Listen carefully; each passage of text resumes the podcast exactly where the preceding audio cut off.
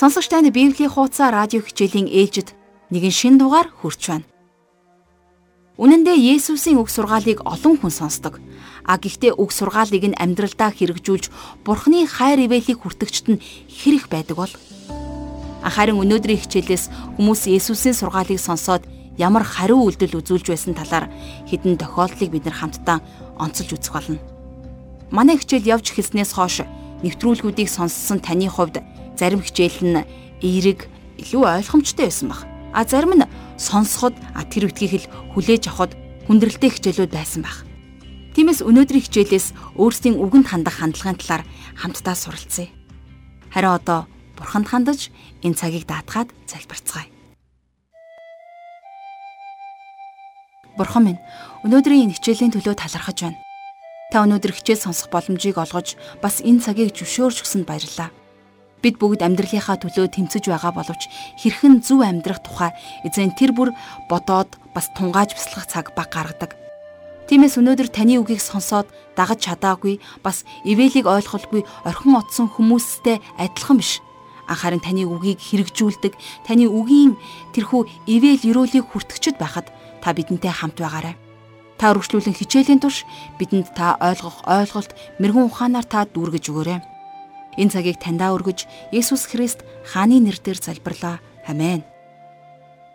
Харин одоо жаргал агшихаа хичээлд анхаарлаа хандуулъя. За тэгэхээр та бид нар өнгөрсөн хичээлүүдээс Бурхны үгийн олон олон гайхамшигтай зүйлсүүдийг сурсан.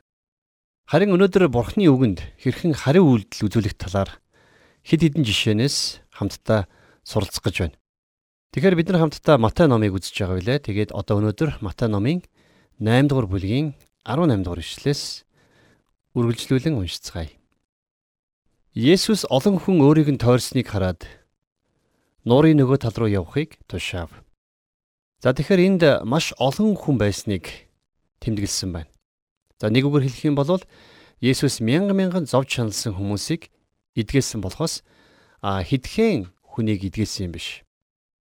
Тэгэхээр Иохан өөрийнхөө бичсэн сайн мэдээн дээр энийг батлах гэж оролдсон байдаг.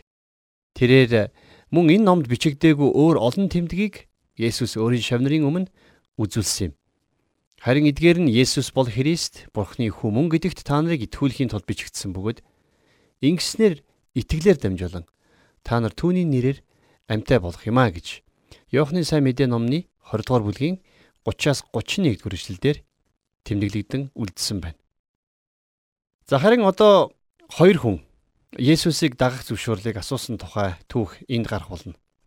За энд Христ итгэл болон Есүсийг дагахын утга учир бүгд тайлбарлагдах болно. За 8 дугаар бүлгийн 19 дугаар ишлэлийг цааш нь харцгаая.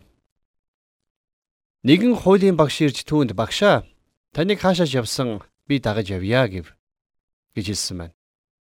За энэ хуулийн багш бол залуу хүн байсан гэдг нь тодорхой. Учир нь яагаад гэвэл Хэрвээ настай хүн байсан бол ийм маягийн хандлага гаргахгүй байсан байх. За энэ хуулийн багш цугларсан олонний дунд зогсож тэгээд Есүсийг дагах уу, дагахгүй юу гэдэг шийдвэрийг гаргаж ятан байсан. Тэрээр юу хийх хэрэгтэй гэж мэдэхгүй байсан. За ингээд тэрээр хуулийн багш Есүсийг нуурын нөгөө тал руу гатлан явах гэж байгааг мэдсэн байна. Есүс өөрийнхөө дагалдагч нарын хамт завинд сууган явах гэж байгааг хараад тэрээр хурдан шийдвэр гаргах хэрэгтэй болсон байх. Тиймээс ч тэрээр цугларсан олон дундаас гарч эзний өмнө сөгдөөд Эзэн минь таныг хаашаач явсан би дагаж явъя гэж хэлсэн. Хуулийн багш шийдвэрээ гаргасан.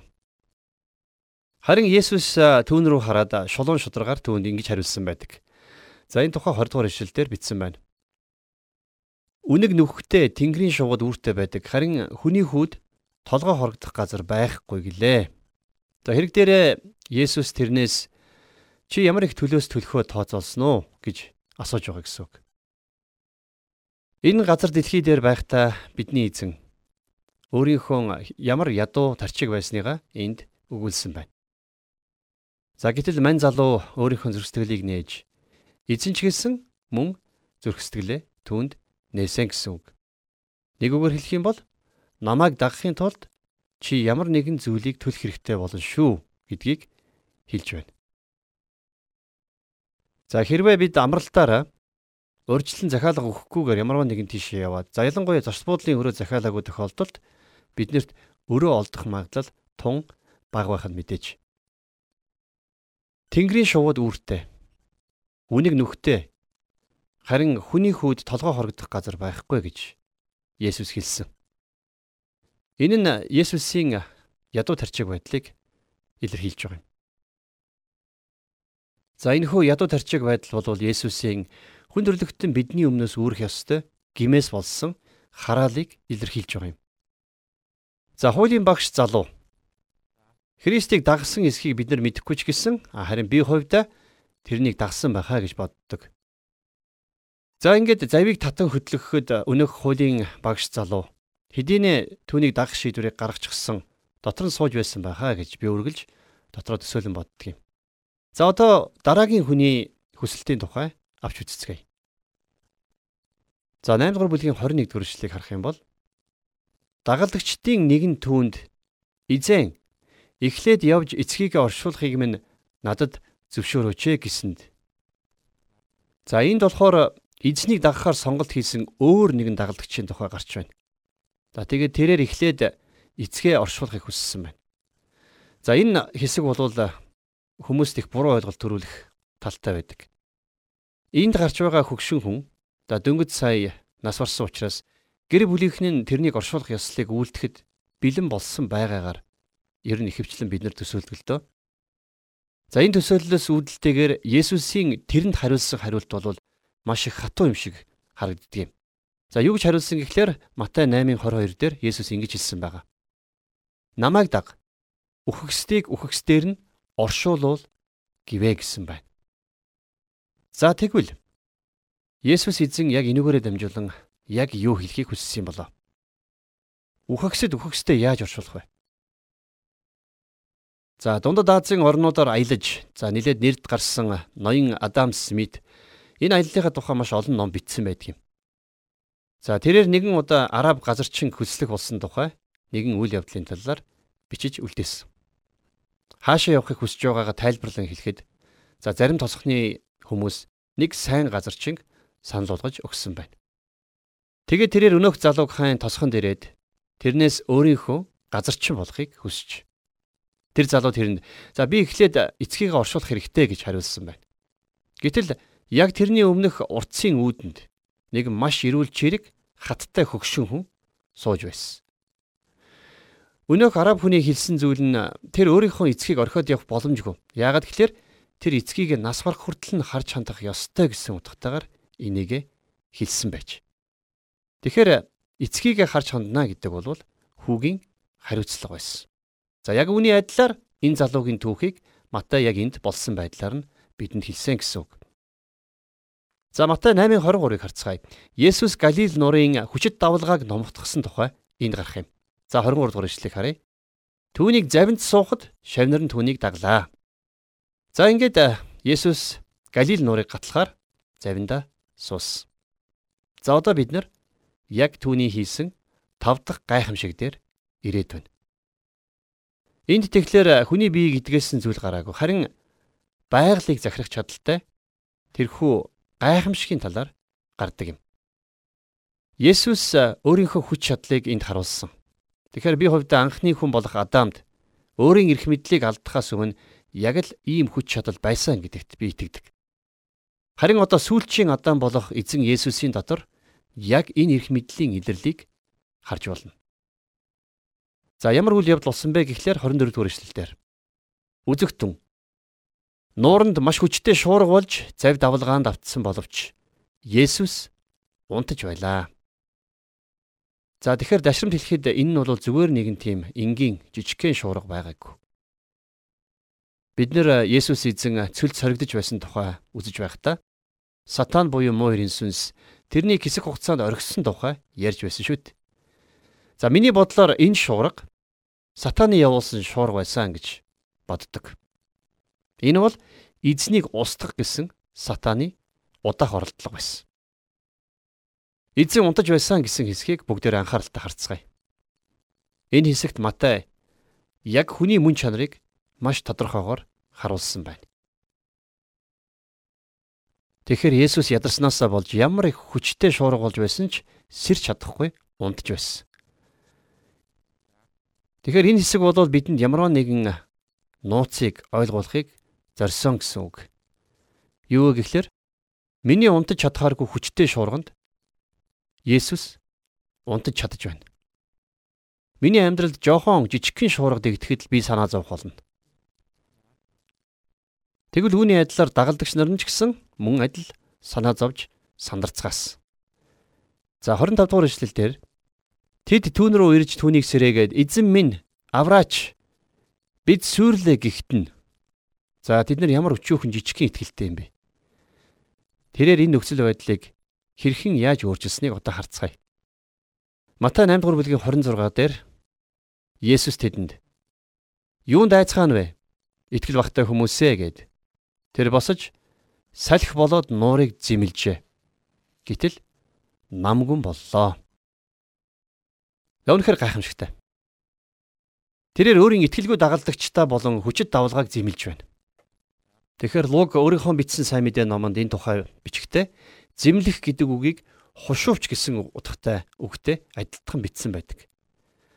Есүс хүчит давлгааг нохооны яманд хушууч хийхийн адилаар хянан захирсан. Тэрний дараа хүчит шуурга намган болсон. Хэдийгээр эдгээр ирчүүд энэ үед маш их хүчүүхэн итгэлийг харуулсан ч гэсэн хожимо тэдний амьдралд ирэх хавчлагын их шуургын үеэр хэн нэг нь эзэн минь авраачаа бид сүйрлээ гэж хашгирсан тухай тэмдэглэлийг би огт уншаагүй юм байна. Харин энэний оронд жишээлх юм бол Үйлс номын 4:29-ыг харах юм бол одоо эзэн тэдний занл хийллийг анхаараач. Таны үгийг ярих зүрх зоригийг өөрийнхөө боолуудад сорихооч ээ гэж тэд хэлсэн байдаг. Тэдний хувьд энэ маш чухал сургууль байсан юм. Өнөөдрийн бидний амьдарч байгаа энэ үед ч гэсэн энэ зүрх зориг итгэл ямар их хэрэгтэй байгаа вүлээ. Хүчит шуургыг номхотгосон гайхамшиг Есүсийн дагалдагчдын сэтгэлд ямар их гүн сэтгэгдэл үлдээснийг одоо бүгдээр харцгаая. За 8 дугаар бүлгийн 27 дугаар ишлэл. Хүмүүс гайхаж энэ юу н ямар янзын хүн болоод салхи нуур хүртэл түүнд захирагдж байгаа юм бэ гэлцв. Ясартхуу нэг өгч чаддаг нэг нь мөн адил хүч чадлыг харуулдаг нэгэн баг юм. За 6 дахь гайхамшиг бол үнэхээр гайхамшигтай гайхамшиг гэж хэлмээр тийм зүйл байсан. За бид нар их дэлгэрэнгүй үзэхгүй ч гэсэн Есүс хүмүүсээс чөтгөрүүдийг хэрхэн хөөсөн тухай дараах ишлэлээр гарч байна. За 28 дугаар ишлэлээр Түүнийг нуурын нөгөө талд гадарчуудын нутагт ирэхэд булчнуудын тэндээс чөтгөрд эзлэгдсэн хоёр хүн гарч ирээд түүнтэй тааралдав. Тэд их хэрцгий догшин тул тэр замаар нэг ч хүн явж зөрхөлдгөө байжээ. За нуурын нөгөө талд Гадар гэдэг газар байсан байна. За өнөөдөр ч гэсэн энэ газар байгаа. Учир нь яагаад гэвэл энд амьдардаг байсан хүмүүс Гад овгоос гаралтай юм. За хуучин гэрээний үед Израилийн 12 овг аймагт газар хуваарлан өгөх үед Гад овг аймгийнхан Йордан голын эсрэг талд байрлсан юм. За тэднэрт юу тохиолдсон бэ? Тэд нэр Евдэ хүнийхэн хувьд хийх ёсгүй байсан буруу зүйлийг хийсэн. Хэрвээ та нэг л удаа эзэн дуулуургүй хандахад дараагийн дуулуургүй байдлын алхмыг хийхэд тийм ч хэцүү биш байх болдог. Тийхүү даруйта бурхны хүсэл болон замаас хоёулангаас нь гаж хаюултай. За Есүсийг энэ Гадар химэх нутагт орж ирэхэд чөтгөрт эзлэгдсэн хоёр хүн тэрнтэй тааралдсан байна. За тэр хоёр хүн бол чөтгөрт эзлэгдсэн. За тэгээ үүнээсээ болоод баг галзуурсан аюултай хүмүүс болсон байсан. За тэдний талаар юу бичсэнийг бүгдээ цааш нь уншицгаая. За Матай 8:29 дээр үзэгтэн тэд хашгиран Бурхны хүү бид танд ямар хамаатай вүлээ? Цагаас мань өмнө биднийг тарчлахаар та энд ирвүү гэв. За энэ гайхамшиг болвол бидэнд гайхалтай нэгэн хэсгийг нээн харуулсан ч гэсэн харамсалтай нь бид нар өнөөдөр энэ талаар маш бага зүйлийг мэддэг болж Тэгэхээр муу ёрын сүнсний тухай ойлголт дутуу байдгаасаа болоод тэгээд энэ гайхамшигын яг үнэн мөн ач холбогдлыг ойлгоход бидэнд маш хэцүү байдаг юм.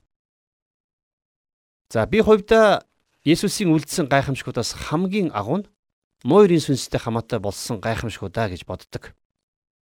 За цааш нь харцгаая 30-аас 31 дэх эшлэл. Тэнд тэднээс зайдуухан сүрэг гахаа идээшилж байлаа. Чөтгөрүүд түүнээс гуйж хэрв та биднийг хөөж гаргах гэж байгаа бол биднийг сүрэг гахаанд оруулаач гэв. За зарим тохиолдолд бол муурийн сүнснүүд биед хэлбэрт шилжин ордог. Тэд нэр ихэвчлэн бодит болохыг маш их хичээж байгаа нь ажиглагддаг юм. Гахаан сүрэг дотор хүртэл оршихдоо тэд нэр сэтгэл хангалуун байх байсан байна. За 32 дугаар ишлэлдэр тэр зайлцгаа гэхэд сүнснүүд гарч гахаануудад шүглэхэд гахаан сүрэг бултаараа нуурын их зэрэг рүү давхилдан орж усанд живж өгчээ. За гахаан сүрэг яаж бодсон муурийн сүнснүүдэд эзэмдүүлж байснаас үгсэн дээр байсан. А гэхдээ хүн бол арай өөр. Өнөөдөр ч гэсэн муу сүнсэнд эзлэгдсэн олон хүмүүс байна. Биднэрт Мосегийн үед за тэгээ зүнж Илишагийн үед за мөн эзэн Есүс Христийн үед ч гэсэн жинхэнэ тийм юр бусын илчлэлүүд байсан. Харин өнөөдөр бид нар муу ерийн сүнсний илчлэлтийг илүүтэйгээр харж чадах тойрог руу шилжсээр байгаа байдал харагдаж байна. За бидний тухай тэдгэрийг нотлох олон зүйлүүд бий. Олон жишээ гарган ирж үзүүлэх амаргүй ч гэсэн а нөгөө талаас за тэр хүн чөтгөр эзлэгдсэн байна гэж хэтрүүлэн хэлэх нь маш аюултай. Ийм зүйл хийхээс бид нар болгоомжлох хэрэгтэй. Ягаад гэвэл энэ нь чөтгөрийн араас хөөцөлдөж байгаагаас ялгаагүй байдаг юм. А гисэн хэдиж үнэн дээр өнөөдөр бидний дунд муу сүнсэнд эзлэгдсэн, эзэмдүүлсэн маш олон хүмүүс байна. За би коллежд байхдаа нэгэн удаа сэтгцийн эмгэгийг судлах ухааны чиглэлээр суралцахыг хүсэж байсан. Сэтгцийн эмгэгтэй хүмүүстэй ажилдаг нэг хүнийг би таньдаг байсан л та. Тэр хүн эмч байсан. А тэгэд бас Христэд итгэдэг тийм эмч байсан. Тэрээр нэгэн удаа надад өөртөө нучирч таарлаж байсан хүмүүсийн ихэнх нь сүнслэг байдалтай хамаатай. Тэр тусмаа муу сүнсэнд эзлэгдсэн байсан гэдэгт баг итгэлтэй байгаагаа хэлж байсан юм. Муу сүнснүүд хоригдохыг хүсэхгүй байгааг харахад маш сонирхолтой. Тэгэхээр Юдагийн загталд хэлсэн шиг харанхуйд хоригдсон тэнгэр элчнэр болох тэдгээр чөтгөрүүдийн тухай тэд нар өөрсдөө зарим нэгэн зүйлийг мэддэг байсан гэсэн үг. Эдгээр чөтгөрүүд өөрсдийгөө энэ дэлхийд бодиттой болгохыг л хүсэж байгаа. За 8 дугаар бүлгийн 33-аас 34 дугаар эшлэлдэр гахаачд зүхтан хот руу орж болсон явдал болоод чөтгөрт эзэмдүүлж байсан хүмүүсийн тухай мэдүүлв. Хотынхан бүгдээрээ Есүстэй уулзахаар ирж Түүнийг үзээд нутгаасаа явахыг гуйв гэсэн ба. Зэн бол үнэхээр өгөөдмөр явдал болсон байна. Эдгээр хүмүүс Есүсээс илүү өөрсдийн гахааг л авахыг хүсэж байсан.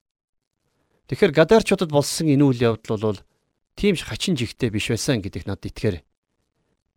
Яг үүнтэй адилханаар үнэхээр олон хүмүүс өнөөдөр ч гэсэн Есүс Христээс илүү өөрсдийн гахааг илүүд үздэг. Ингээд бүгдээрээ Есүсийн хамт цаашаа аялцгаая. За Матай бичсэн сайн мэдээний судлал дундуур өмнөх бүлэг дээр бид нэр Есүс өөрийнхөө зарлан тунхагласан ёс зүйн шин хим хэмжээг хэрэгжүүлэх хүч чадал чадамжтай гэдгийг харуулсан түүний баталгаа болсон 6 гайхамшигын талаар үзсэн. Харин одоо эхлэх бүлэг маань энэ одоо бодол санааг цааш нь үргэлжлүүлэх болно. Бид нар тэгэхээр Есүсийн бие махбодыг эдгэж байгаа гайхамшгуудыг харсан. За тэгээд миний юр бусын гэж нэрлэдэг байгаа үхлээс дахин амьлуулагдсан.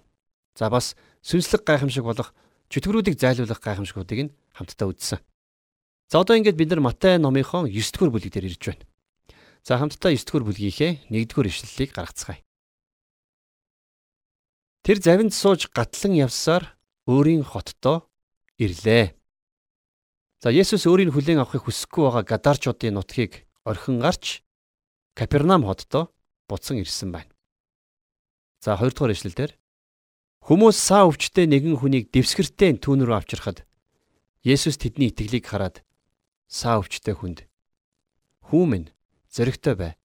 Нүгэл чинь уучлагдсан" гэв.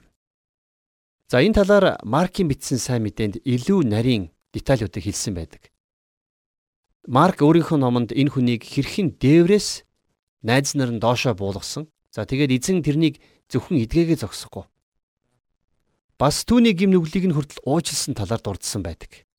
Тэгэхээр өвчнөөс эдгэрэх эдгэрэл болон гим нүглийн уучлал хоорондоо холбоотой байдаг гэсэн үг. За 9 дугаар бүлгийн 3 дугаар эшлэлдэр хуулийн багш нарын зарим нь энэ хүн бурхныг доромжилж байна хэмээн боджээ. Тэгэхээр тэнд байсан хуулийн багш нар Есүсийн өвчтөе хүнийг эдгэж алхах боломжийг өгч чадахгүй гэж бодож байсан. Харин эзэн тэдний оюун бодол болон зүрхэн дэх хормууг нь мэдэж байсан байна.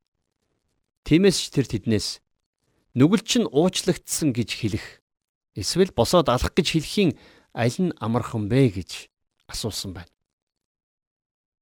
Тэд нар харин тэрний асуултанд хариулаагүй. Хэрвээ тэд нар хариулсан бол бидний хувьд нэг нь нөгөөтөгөө адил агуу гэж хэлэх байсан баг. Матай 9-ийн 6-аас 7 дугаар эшлэлдэр харин хүний хүү газар дээр нүглийг уучлах эрх мэдэлтэйг та нарт мэдүүлэхийн тулд гээд тэрээр саа өвчтэй хүнд бос дэвсгэрээ аваад гертээ хар гисэнд мөнөөх хүн босож гэрийн зүг явлаа. Тэгэхээр саа өвчтэй хүн босоод алгасан гэдэг бол тэрнийг алхахдаг болгосон нэг нь бас түүний гим нүглийг уучлж чадах чадaltaй гэдгийг харуулсан гэсэн үг. Тэгэхээр та бид хоёр гим нүглийг хизээж уучлж чадахгүй. Зөвхөн бурхан л уучлж чадна. Тиймээс бид нэр гим нүглийг уучлж чадахгүй юм чинь бид нар хүнийг алхахдаг болгож чадахгүй шүү дээ. Харин муу сүнс болох сатан бол мэхлэгч. Тийм учраас бид нар өнөө үед өөрсдийгөө эдгэгч гэж нэрлэдэг байгаа хүмүүсийг шалгах хэрэгтэй. Бурхны хийдэг ажлын дунд өөрийгөө тавих хэрэггүй.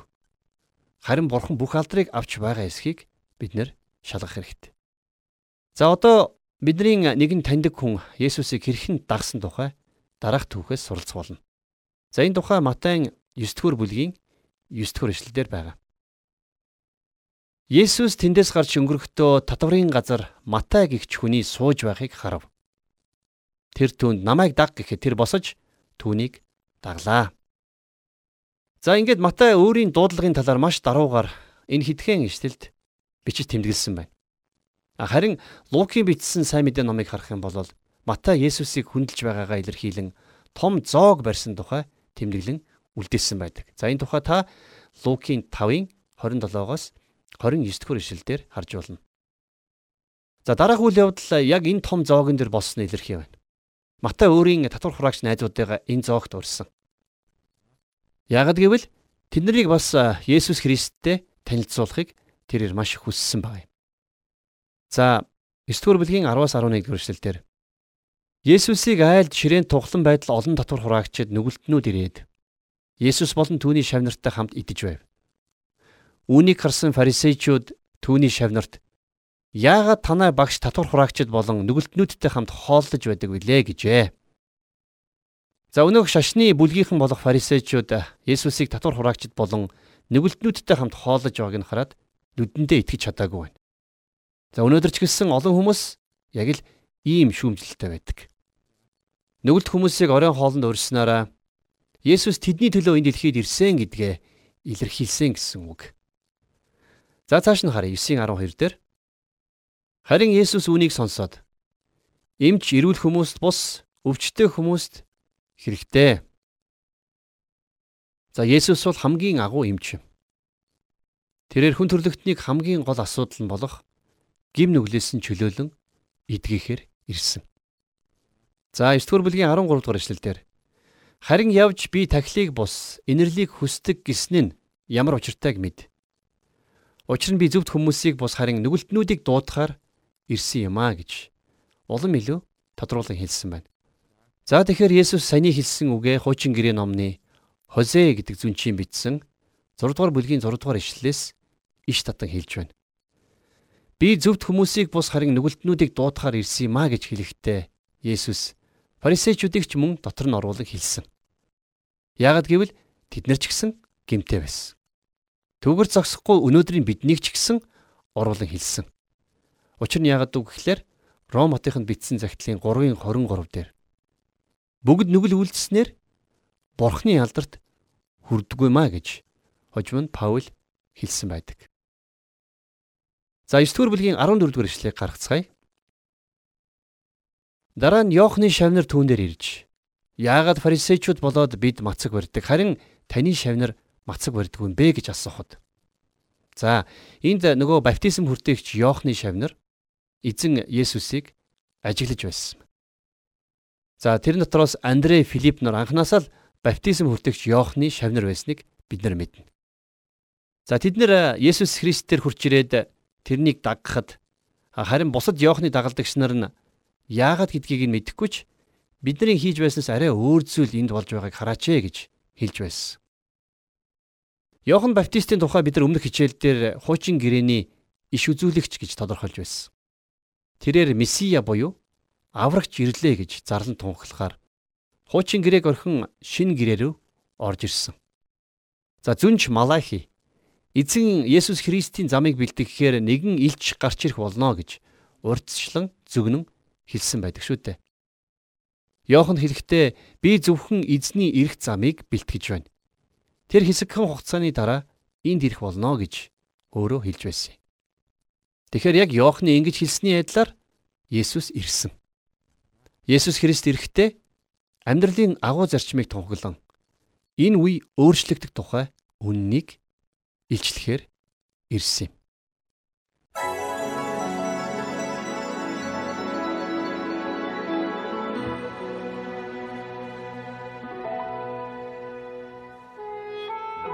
Тэгэхээр өнөөдрийн хичээл дээр нэг ийм үг гарсан. Есүс олон түмэнд хандаж эрүүл хүмүүст тус харин өвчтөе хүмүүст эмч хэрэгтэй гэж. Энэ үг хамгийн чухал үг юм шиг санагдлаа. Хүмүүс Есүсийг дагаж чадаагүй байгаа шалтгаан нь түүний үгийг үнэн гэдгийг мэддэг ч гэсэн хүлээн зөвшөөрч чадахгүй. А эсвэл ичгүүрээ ил гаргахаас эмээсэндээ Есүсийг хүлээн зөвшөөрөөгүй байх. Өөрөөр хэлбэл арх хэтрүүлэн уудаг хүн өөрийгөө архичин гэдгээ хүлээн зөвшөөрөхөөс нааш арх ухаа болохгүй шүү дээ. Яг л үүнтэй адилхан бид хэрвээ гимээ хүлээн зөвшөөрөхгүй л бол гимээсээ болоод амсч чадахгүй байгаа Бурхны өгөх гэж байгаа тэр сайн сайхныг хизээж хүртэж чадахгүй. Бурхан үнэндээ тахилыг биш, өргөлөөгч биш. Инэрлийг бидний зүрх сэтгэлийг хүсдэг юм байна. Тэгвэл энэ хичээлийн төгсгөл бүгдээрээ зүрх сэтгэлийнхээ гүнээс эзэнт хандаж шин амьдралын төлөө, шин амьдралынхаа төлөө хамтдаа залбирцгаая. Эзэн минь, өнөөдрийн энэ хичээлийг та бидэнд ойлгуулж өгсөнд баярлалаа. Бид үнэхээр шинэ амьдралд зогцох таны гайхамшигтай тэрхүү шинэ гэрээний дотор амьдрахыг хүсэж байна. Эзэн бид таныг зүрх сэтгэлдээ урьж байна. Тэгээд та өнөөдөр маргааш эх он жилүүдэд бидний зүрх сэтгэл дотор нутаглаж та үр жимсийг дүүрэн гаргаач ээ гэж бид Есүс Христийн нэрээр залбирлаа. Амен.